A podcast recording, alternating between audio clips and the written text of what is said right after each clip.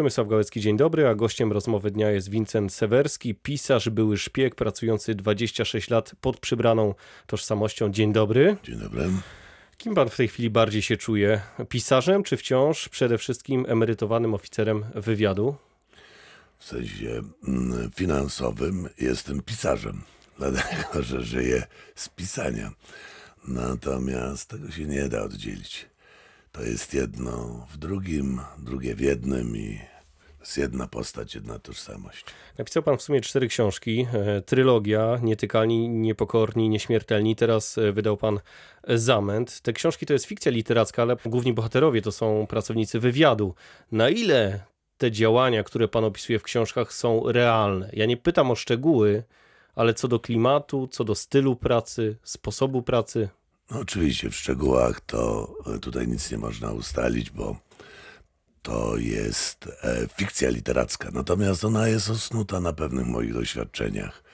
Bazuje na, moim, e, na moich przeżyciach, na przeżyciach moich przyjaciół. Więc e, to jest świat e, jak najbardziej taki bliski rzeczywistości, realny. Mogę powiedzieć nawet w ten sposób, i to jest chyba najlepsza odpowiedź na Pana pytanie. Jeżeli moje książki czytają koleżanki i koledzy, którzy w służbie są czy byli i odnajdują tam swój świat, to znaczy, że jest on bliski rzeczywistości. Wie pan, e, język, którego my używamy, e, atmosfera, pewna subkultura, która się za tym kryje, jest bardzo autentyczna. Ona nie jest tajna. To jest świat, który jest dostępny, dlatego że my jesteśmy też ludźmi. O to też pana chciałem zapytać, na ile przyjaciele, koledzy z czasów e, pracy jeszcze w agencji wywiadu gratulują lekkiego pióra i cieszą się, że pan pisze, a na ile są, no nie powiem e, źli, ale zaniepokojeni tym, że o pracy, o której lepiej, żeby było cicho, mówi się głośno, bo jest pan postacią charakterystyczną, książki sprzedają się, są czytane. Wie pan, jest e, może paru, jakbym to ujął, kolegów, którzy nie są zadowoleni z tego, że piszę te książki, ale bym powiedział, że to wynika z innych przesłanek niż e, ujawnianie jakiejkolwiek tajemnicy. Nie będę wchodził w szczegóły. Można się domyśleć. Natomiast muszę panu powiedzieć, że spotykam się z ogromnie pozytywnym odbiorem w- wśród kolegów, nie tylko z wywiadu, ale także z kontrwywiadu, z innych służb. Dlatego, że wie pan, to są książki, które pierwszy raz w Polsce przybliżyły obywatelom, zwykłym ludziom nasz świat, nasze życie, a więc z drugiej strony pozwoliło, dało moim kolegom i koleżankom, którzy nie mogą mówić swoim własnym głosem, dało im pewną satysfakcję. Że ktoś doceni ich pracę? Tak, że zwykli obywatele wiedzą o nich, wiedzą jaka jest ich praca, jakie życie, jakie poświęcenie, jaką odpowie- jaka odpowiedzialność na nich ciąży. A jaka ciąży? Ogromna, dlatego że to my, powiedzmy w przypadku agencji wywiadu, my dbamy o bezpieczeństwo zewnętrzne państwa, całego państwa, wszystkich obywateli. Niezależnie od legitymacji partyjnej czy poglądów, stanu zdrowia. E, A ta praca teraz jest trudniejsza niż w czasach, gdy pan zaczynał? To jest zawsze ta sama praca. Ona się nie różni od czasów biblijnych. Zawsze polega na tym samym. I wasza praca jest bliższa temu, co pan teraz robi, pisarstwu, niż e, filmom z Jamesem Bondem, bo nawet pan powiedział o tym w jednym z wywiadów. Uprawiamy dwie formy literackie w wywiadzie, piszemy scenariusze i reportaże. Tak, bardzo dużo piszemy i, i to jest jedna z podstawowych naszych e, czynności, które wykonujemy. Także mm, dużą część czasu musimy poświęcić na napisanie tego, co chcemy zrobić, a później opisaniu tego, cośmy zrobili. E, I to się pisze dla bardzo wąskiego grona czytelników. Taki typowy e, rys szpiega to informacja o tym, że on szpiegiem zostaje na zawsze, do końca życia. A jak to jest w realu? No i tak jest w realu, no zostaje się do końca życia, no, no powiedzmy. Ale mówi pan o sposobie życia, o e, pewnym mentalu, który zostaje z człowiekiem. No więc właśnie, musimy tutaj to uściślić, o czym mówimy, dlatego że w języku potocznym to się często ludziom wydaje, że jak się mówi, że o, on nigdy z wywiadu nie wyjdzie, prawda? Czyli, że dalej pracuje dla że wywiadu. dalej, że dalej. Jeszcze ja- głębiej. Jest na emeryturze, a tu chodzi, szpieguje sąsiadów, tam z psem, wszystko podgląda. Nie szpieguje pan sąsiadów. Bzdury, oczywiście, wie pan. Nie wychodzi się mentalnie z tego. To jest zupełnie co innego. Ale to nie, to nie na tym rzecz polega. To życie, że pozostajemy, jak gdyby to jest kwestia pewnego, pewnych związków naszych emocjonalnych między nami, w naszym środowisku, pewnego spojrzenia na świat, postrzegania otoczenia i tak dalej, ale szpieg, za którym nie stoi agencja, już jest bezużyteczny. A praca w wywiadzie to jest e, gra zespołowa, czy to jest robota dla solistów? I tak, i tak. To zależy od zadania, jakie trzeba wykonać. A czy ten solista ma zawsze support? Zawsze. To znaczy, e, e, jeżeli oficer działa w pojedynkę i rzeczywiście musi wykonać takie zadanie, albo powiem inaczej, chyba to zależy, oficer musi być przygotowany do tego, aby móc działać samemu za granicą, w pojedynkę, samemu podejmować decyzje, samemu się bronić, wykonywać zadanie. Ale wtedy, kiedy trzeba, musi umieć też kierować e, zespołem. Także raczej bym to powiedział, że, że dobry oficer wywiadu ma dosyć e, uniwersalne przygotowanie, jeśli w tym względzie chodzi. Ale przede wszystkim, co jest ważne, i ja bym to wyróżnił, oficer wywiadu musi lubić być sam. I jak to się odbija na życiu rodzinnym? Czy ono w ogóle jest możliwe, życie rodzinne? No jest możliwe i mamy życie rodzinne, ale no, z ręką na sercu powiem, że no, bardzo często kuleje to nasze życie rodzinne, bo największymi ofiarami naszej pracy są nasze rodziny. One najwięcej cierpią. Nasze żony, małżonkowie, szczególnie małżonkowie naszych koleżanek mają duże problemy, prawda? Bo tutaj to jest troszeczkę inna, jeszcze bardziej emocjonalnie nabrzmiała sytuacja czasami w domu. Ale tak, więc natomiast to, co powiedziałem, że musi lubić być sam, to nie. To, to lubić to jest w cudzysłowie, po prostu chodzi o to, że Umieć pracować w takich warunkach. umieć pracować w takich warunkach. Nie, oficer, który musi wykonać sam zadanie, nie może cierpieć z tego powodu, prawda? No bo nie wykona go prawidłowo. Przejdźmy do tego, co w rzeczywistości z literatury. W Polsce ponad 100 najbardziej doświadczonych oficerów wywiadu ogląda świat w telewizji, a w agencji wywiadu siedzą dzieciaki.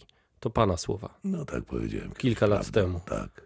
Tak faktycznie jest? No niestety to jest problem na naszego wywiadu, że co zmiana władzy, co zakręt, to było, że tak powiem, czyszczenie szeregów.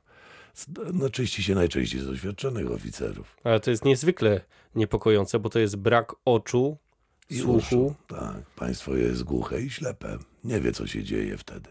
Albo przynajmniej nie do końca wie. Dlatego, żeby wychować oficera wywiadu trzeba wielu, wielu lat.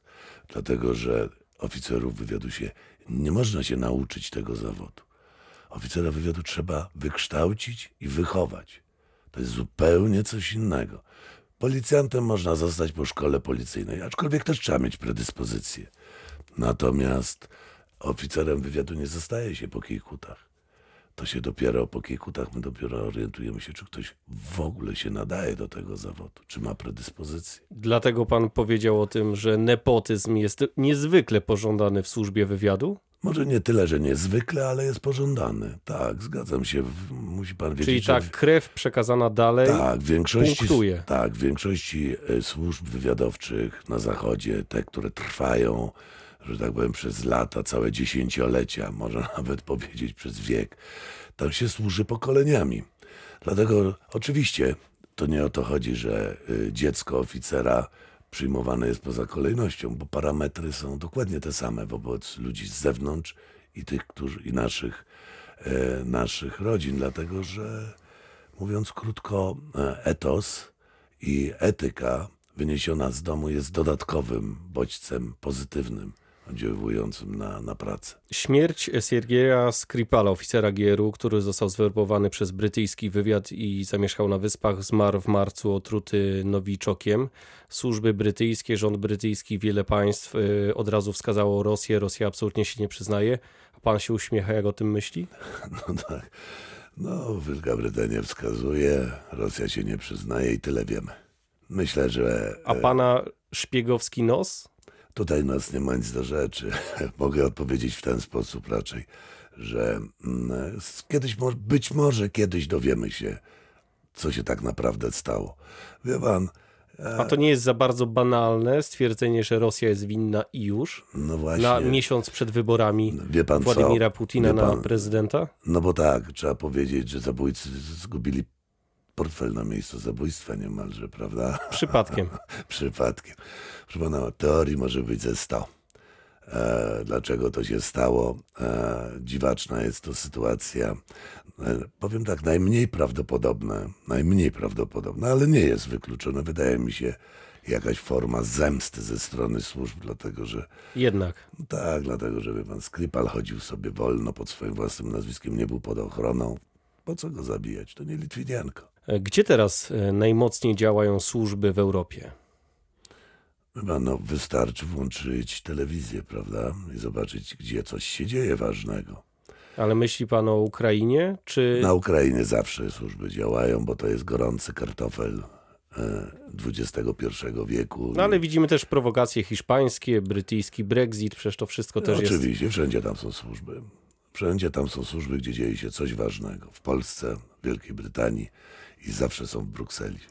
To na koniec. e, W Polsce na szczęście na razie nie doszło do zamachów terrorystycznych. To jest kwestia nie czy, a może kiedy do takiego zamachu dojdzie? Wie pan, ja wiem, że tak e, wygodnie jest postawić pytanie, kiedy, czy. E, może tego zamachu nigdy nie być. Pan, wszystko zależy od wielu, wielu czynników, które się na to zbiegają. Od sprawności służb, od współpracy z innymi krajami. A służby przegrywają tę wojnę, biorąc pod uwagę, że teraz kierunek jest taki, że samotne wilki, inspirowani wewnętrznie, zewnętrznie, no i bardzo ciężko po prostu ich namierzyć i powstrzymać. Wie pan co, jeżeli popatrzymy na to trochę tak z perspektywy czasu, to e, wedle wyliczeń akurat ostatnie dziesięciolecie nie należy do szczególnie krwawego, jeśli chodzi o zamachy terrorystyczne. Było Myśli pan o czasach ETA, IRA i tak były, dalej? Były czasy dużo bardziej gorące, można powiedzieć. Ale na przykład ostatnia informacja MI5, chyba dzisiaj słyszałem, że służby udaremniły do tej pory 12 zamachów terrorystycznych. Biorąc pod uwagę napięcie na Bliskim Wschodzie i to, co się tam dzieje, i zderzenie kultur potworne, które, z którym mamy do, tej, do, do, do czynienia, i wojną okrutną, to jednak mimo wszystko i informacji, które pochodzą od służb, właśnie mówię, dzisiejszych brytyjskich, to chyba nie jest tak źle, prawda? Powiedział Wincent Sewerski, pisarz, były szpieg, gościem rozmowy dnia w Radiu Wrocław. Dziękuję. Dziękuję bardzo. A pytał Przemysław Gałecki, miłego dnia.